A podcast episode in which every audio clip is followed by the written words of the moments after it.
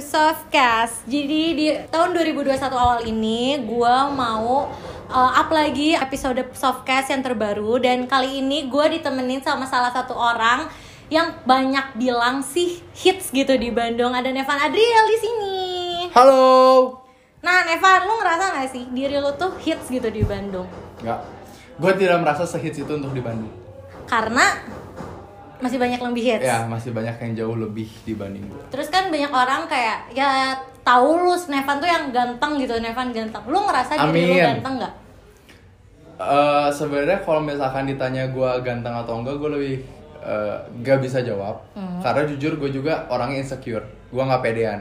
Kenapa gue orang insecure atau nggak pedean? Karena dari dulu tuh gue sering banget dibandingin sama orang lain. Jadi eh, gue lebih banyak ngeliat kekurangan gue dibanding kelebihan gue. Tapi ya itu jangan pernah ditiru karena itu salah. Ya harusnya Gitu. lu lebih percaya diri gak sih? Betul. Apalagi sekarang profesi lu itu profesi nggak bisa disebut kayak part time job lu sebagai model. Nah gimana sih awalnya lu bisa jadi model? Apakah kayak oh my god gue ganteng, gue pengen jadi model gitu? Jujur gue tuh pertama model tuh eh, bulan apa ya? Foto kayaknya gue bulan Agustus. Pertama tuh gue Corona semenjak corona. semenjak corona, se- ya semenjak corona. Pas kita covid, Mm-hmm. temen gue nawarin gue buat foto brand baju dia. Shout out to No Brain Apparel. Oke. Eh, jadi pertama itu dia nawarin ke gue, gue juga kayak mikir kayak jujur gue nggak pernah pose, nggak pernah foto segala macam selama SMA itu ya. Hmm. Terus dia bilang kayak ya udah lu coba-coba aja, ntar gue ngasih referensi juga kok dari Pinterest dan lain-lain gitu. Dan gue coba. Pas di hari gue uh, foto itu, jujur foto-foto pertama bener-bener yang namanya jelek. Kayak nggak puas gitu lu ngeliat Tatapan gue di masih kosong segala macam. Terus, Terus uh, pas sore di foto ulang segala macam dan puji Tuhan mereka Improve. ya mereka juga lebih puas di- di- di- uh, sama fotonya. Terus semenjak itu ya puji Tuhan ada beberapa brand lah yang nawarin segala macam gitu. Sebenarnya lu udah kepikir gak sih kayak kan uh, yang tadi sebelumnya gue udah bilang banyak orang yang muji lu ganteng terus lu kepikiran pas misalnya lagi sekolah lu kepikiran apa gue gede jadi model gitu atau emang ternyata kaget aja gitu ternyata pas foto brand sama no brain ini jadi batu loncatan. Uh, sebenarnya tuh gue dari dulu tuh nggak ada sama sekali buat kayak pandangan gue kayak gue bisa deh besar jadi model segala macam. Karena emang ya itu balik lagi ke awal. Sifat gue tuh insecure gue nggak pede di depan kamera gue bener-bener malu segala macam gue nggak bisa pose gue nggak tahu harus gimana gayanya gimana. Jadi gue emang dari awal tuh nggak ada pikiran buat jadi model. Cuman ya ya itu balik lagi waktu gue foto no brain teman-teman gue nge-support banyak yang muji segala macem ya dari situ mungkin gue mulai karir pertama kali 2020 itu. Susahnya jadi seorang model itu apa? Yang sampai detik ini lu rasain aja. kalau misalkan dalam pemotretan tuh kalau dari gue sendiri sebenarnya eh, ngejaga mood ya Hmm, soalnya eh, kadang kita mood udah bagus segala macem cuman waktu ngaret segala macam Iya, itu iya, kita iya. nggak ada yang tahu kan Ah. itu tuh bisa benar-benar ngancurin mood sih kalau dari gue sama kadang tuh ada beberapa klien yang kayak kita udah fix tanggal segini segala macam terus tiba-tiba di hari H batal segala macam Hmm. Oh, dan iya kita udah sih. ngosongin udah ngebook maksudnya di tanggal Aha. segitu tiba-tiba cancel kan Hmm. kita juga kecewa jadi menurut gue kita tuh hidup jangan pernah uh, Expect. expect, tinggi ke orang Iya, lain bener banget terus eh, kemarin kan gue sempet lihat nih di story lo lo ikut Jakarta Fashion Week itu gimana sih ceritanya lo bisa diajakin gitu Jadi gini, gue tuh sebenarnya masuk agency Hmm. 2020 kemarin baru setelah foto no brain ada agency dari Jakarta yang nawarin gue. Hmm. Eh, terus tuh kan itu audisi JFW tuh bulan Maret 2020 kalau Hmm, nggak salah. Dan gue tuh nggak ikut audisi sama sekali. Terus pas H-min berapa JFW tuh gue dikontak sama agency gue sendiri. Hmm. Awalnya gue udah nolak. Gue bener-bener kayak gue mikir kayak gue emang belum siap juga buat JFW segala macam. Hmm. Tapi dari agensi gue tetep nelpon gue terus. Oh. Ngekontak gue sampai jam 11 malam dan akhirnya gue izin ke keluarga. Gue berangkat ke Jakarta jam 2 subuh naik travel. ah Eh gue berangkat sana terus gue fitting paginya. ah Latihan runway bentar, so- siangnya gue langsung. oh jadi take. latihannya pada hari itu Di juga hari itu. terus hari itu juga langsung runway Ya, dan itu bener-bener dadakan. di situ lo dapet pengalaman baru apa gitu Jujur gue pertama kali ya maksudnya kan Hmm. bisa dibilang gue dalam dunia perbudakan bentar dari Agustus, September, Oktober, November 4 bulan Hmm. gue ke JFW dan menurut gue tuh kayak gue masih belum pantas Hmm, untuk di titik JFW kayak gitu cuman eh, waktu di hari itu teman-teman yang se agency itu juga ngeyakinin gue segala macam Newport gue ngajarin gue caranya jalan segala macam. Ya dan akhirnya puji Tuhan lancar waktu JFW-nya dan pengalaman jujur banyak banget ya.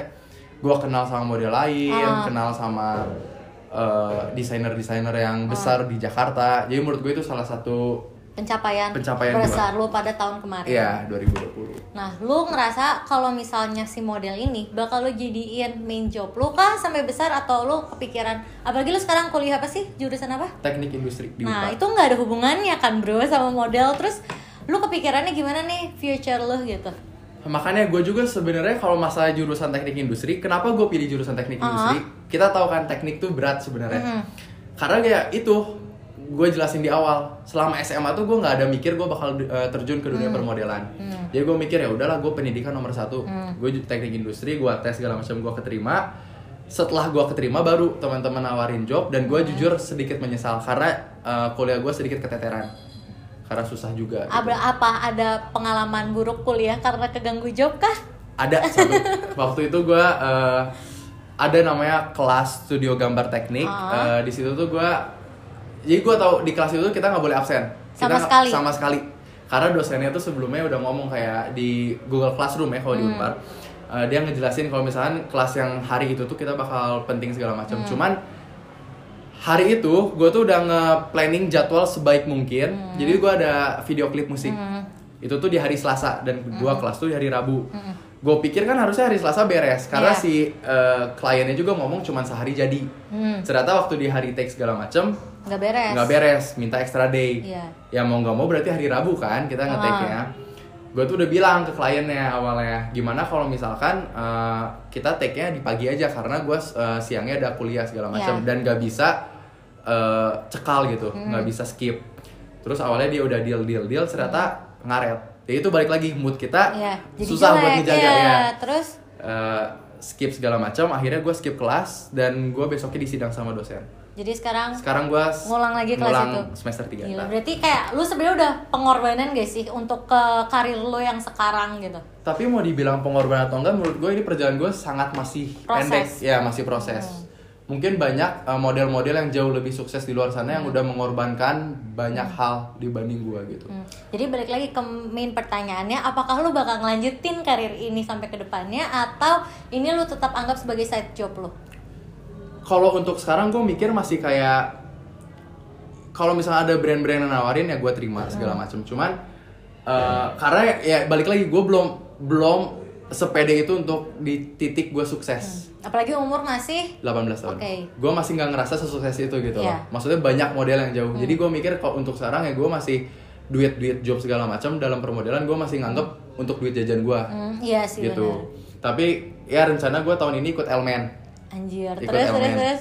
Kalau misalkan gue sukses di Elmen dan exposure gue naik dari Elmen, Hah? ya mungkin aja job bisa gue jadiin Iya dong. sebuah eh, model bisa gue jadiin sebagai main job. Apalagi sebenarnya fee dari model itu nggak sedikit gitu, nggak yang sediremehin Iya, orang-orang bener. kayak sekarang lu sering gak sih dengar orang mandang sebelah mata kayak lu jadi model nggak akan nggak akan sampai ya gimana banyak banget, gitu. emang orang yang sebenarnya bukan ngeremehin ya cuman kasarnya mandang sebelah mata ke Uh-huh. model ke per- dunia permodelan itu ke- banyak hal negatifnya Hmm. Apalagi lu cowok gitu. Ya, betul. Ya kan? Makanya keluarga gua pun sebenarnya awalnya parno Hmm. untuk gua masuk dunia permodelan segala macam cuman ya mau gak mau gua harus ngeyakinin mereka Hmm. segimana caranya gua untuk membuktikan kalau dunia permodelan tuh nggak sejelek itu Iya sih benar Gitu. sih benar. Soalnya kayak ya lu juga ngerasa ternyata gue ada passion gitu di sini dan lu seneng gitu ngejalaninnya ya nggak? amin semoga Amin. Terus gue pengen nanya deh, lu ngeliat job itu dari apanya dulu? Dari fee-nya dulu atau dari kualitasnya nih si fotografernya bagus atau dari eh, misalnya kan ada yang temanya pengen aneh-aneh gitu. Nah, kira-kira lu gimana tuh nanggepinnya? untuk job ya Hmm. kalau untuk job tuh yang pertama gua pastiin gua takutnya kena tipu Oh, Karena gue banyak banget ngobrol sama model-model, banyak brand yang nawarin, cuman akhirnya bondong. ya Hmm. Ah. gitu. Jadi gue pertama mastiin dulu kalau ini brand emang asli atau enggak segala macam, emang ini pure photoshoot atau tanda kutip. Iya. Jadi yang pertama gue pastiin ya pasti jelas itunya. Terus yang kedua eh, masalah brand. Hmm. Gue juga nggak semua brand gue terima. Ada beberapa. Picky, picky. Ya, Terus ada brand yang menurut gue kalau emang pantas untuk gue jalanin ya gue ambil. ambil tapi kalau menurut gua kurang sama Diri diri gua nggak gua ambil Oh jadi lu pilih-pilih kalau sih menurut gua masalah belakangan. nomor belakang Soalnya lu lebih sekarang sih di sekarang mending cari pengalaman ya karena jujur kan gua ha. dalam dunia permodelan masih bilang baru Ha, ha. nyentuh setahun pun belum gitu loh. Jadi gua masih menur- menurut gua gua dalam permodelan tuh masih sangat Ah. beginner gitu loh. Hmm. Jadi mau nggak mau ya gua harus cari banyak pengalaman gitu. Jadi kalau misalnya ditawarin gitu ya misalnya fotonya agak aneh-aneh gitu. Eh, itu gua pernah, Lu pernah? sekali. Sumpah gimana ceritanya? Gua pernah sekali. Jadi Ah. tuh eh, gua dapat fotografer nge DM gua Ah. segala macam. Dia tuh pakai bahasa Inggris. Si kita nggak sebut nama ya, ya. ya Bahasa jangan dong terus. Eh, si fotografer itu bilang kayak ya gue dari luar negeri lagi main ke Bandung Hmm. Pakai Inggris? pakai Inggris Oke, ngomong ke gue terus? lu tertarik gak segala macam buat eh, foto sama gue gini Iya. gini gini terus eh, awalnya gue ngeliat si IG dia dong yang Hah. pasti kan isi IG dia tuh kayak cowok-cowok yang naked yang Oh cuma my pakai boxer segala oh macam kan gue takut kan Ah. Dan puji Tuhannya tuh temen gue tuh ada yang dari Jakarta dia Hmm. juga eh, salah satu agensi di yang gue dia lagi main ke Bandung Hmm. gue minta tolong ke dia eh lu mau nggak temenin gue ntar gue ada foto nih tanggal segini Hmm. konsepnya gini gini gini terus awalnya tuh gue ngomong ke si fotografer ya Eh, dan fotografer ini ter- eh, bisa dibilang besar terkenal Hmm. gue bilang ke fotografernya boleh kita foto cuman gue pengen ada ketentuan Hmm. gue nggak pengen Bener, sampai bener. naked gue cuman Oh. pengen at least tuh gue cuman kaos polos putih Oh. jadi foto komposit menurut Oh, gue ngerti ngerti ngerti. karena gue pikir ya ini juga fotografer gede mungkin bisa angkat nama gue Iya, kan jadi iyalah. kolaborasi Oh. collab udah gitu gue ditemenin tuh sama temen gue akhirnya Hmm. di hari H kita foto si fotografer ini tuh emang dari awal ketemu gue sama temen gue tuh pakai bahasa Inggris Hmm. tapi pas dia ada mang-mang yang studio yang ngatur lighting segala Hmm. macem dia ngomong pakai bahasa Sunda cuy Jadi lu kayak bertanya-tanya nggak iya, sih? gue kayak Iya sih? anjing ini fotografer beneran bule atau kenapa dia bisa Oh, ngomong bahasa oh. Indonesia kan Terus? terus, gue iseng gue eh, nanya Mm-mm. eh sorry kak gue pakai bahasa Indonesia Ah. sorry kak eh, outfit pertama saya apa ya dan dia jawab pakai bahasa Inggris sedangkan sebelumnya dia ngomong pakai bahasa Sunda gitu Anjir terus. berarti kan dia jelas orang Indonesia Iya, bener gak sih terus? terus akhirnya gue di situ udah mulai parno gue Ah. mulai nanya ke temen gue ini kayak fotografer udah Agak- ngaco agak aneh Bu. ya, udah agak udah aneh. gak bener deh. Hmm. terus akhirnya di situ ya gue pancing terus pakai bahasa Indonesia dan akhirnya dia keluar bahasa Indonesianya gitu Oh. awalnya tuh waktu jadi temen gue nemenin nemenin foto emang satu 30 menit awal dia kayak iya lu pakai baju putih polos jeans iya, segala iya, macam iya. dan akhirnya tuh temen gue lapar Ah. dia keluar Ah. pas temen gue keluar ruangan dikunci studio Ngeri banget terus terus. terus studio beneran dikunci terus dia kayak ngomong "E, coba celana jeans kamu rada turunin dikit segala macam. Dan akhirnya gue ngelak kan gue ngomong Iya. kayak "E, sorry kak bukannya kita di awal perjanjian kita emang cuman sampai titik sini ya? Nggak sampai eh, saya naked atau segala macam. Karena saya juga gak suka untuk foto kayak gitu. Menurut saya itu eh, bukan selera saya gitu. Terus akhirnya si fotografer yang ngalah dan udah itu foto mood gue udah hancur. Gila itu banget semenjak itu sebenarnya gue trauma. Lu takut gak sih? jujur takut. Itu bulan Oktober. Sebelum JFW berarti Gila. gue sempet di bulan Oktober gue mikir kayak emang berarti dunia model tuh emang keras gitu. Ada bahayanya iya ada gitu. bahayanya Heeh. dan tergantung kita gimana nyikapinnya gitu kalau gue bego gue takut mungkin gue bisa bisa aja kayak gue naked gue nggak Iya, berani iya, iya. eh, ngelak ya mungkin gue bisa naked gitu di sana gak ada yang tahu Iya.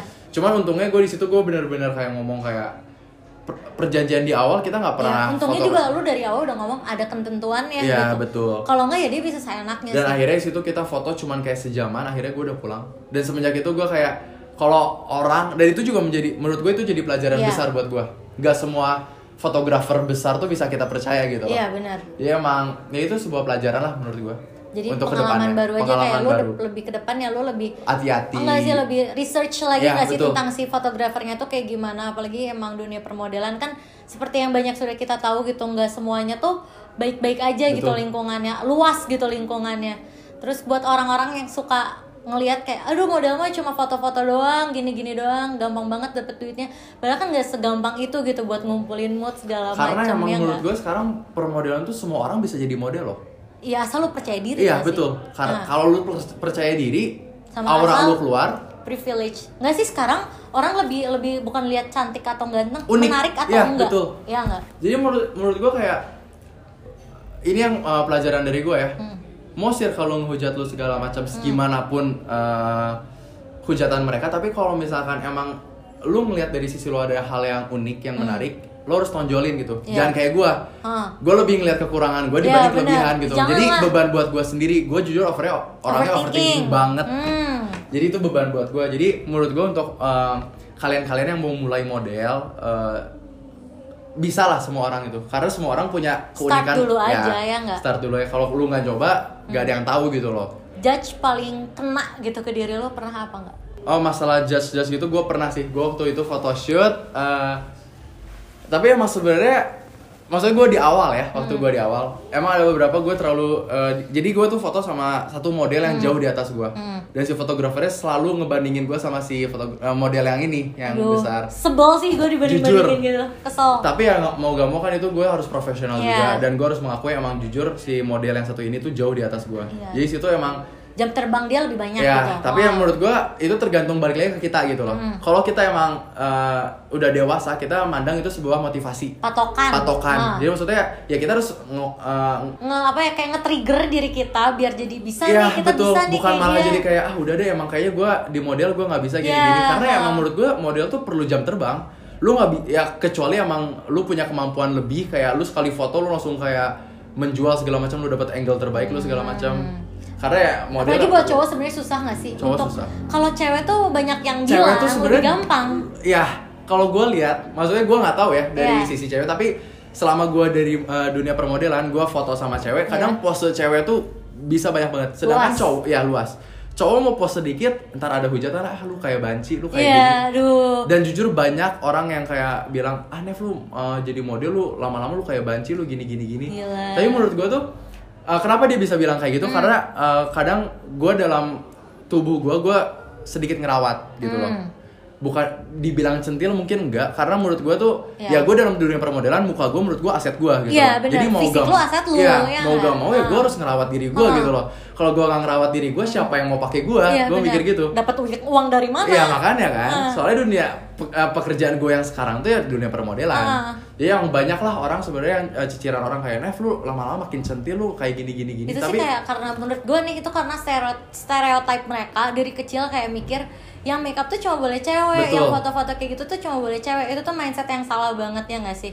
Lu nggak bisa lah ngelihat orang kayak mukul rata semua kayak gitu gitu. Sekarang mah zaman sekarang gitu. banyak banget gila. Iya? Ya itu kan tergantung sekarang balik lagi ke orang-orang itu open minded atau emang Ah. pikiran orok gitu. Ah. Kalau misalkan pikiran dia stuck di situ ini dia nggak Iya, bisa berkembang. bener banget. Jadi menurut gue ya kalau kita dikritik kayak gitu balik lagi jadi motivasi kita lah. Hmm. Maksudnya kita punya muka bersih, kita muka punya badan yang enak Hmm. Bagus dilihat, yang gitu, bagus. ah. Karena yang dapat poin plus kita sendiri, Iya. bukan mereka, Iya. gitu loh.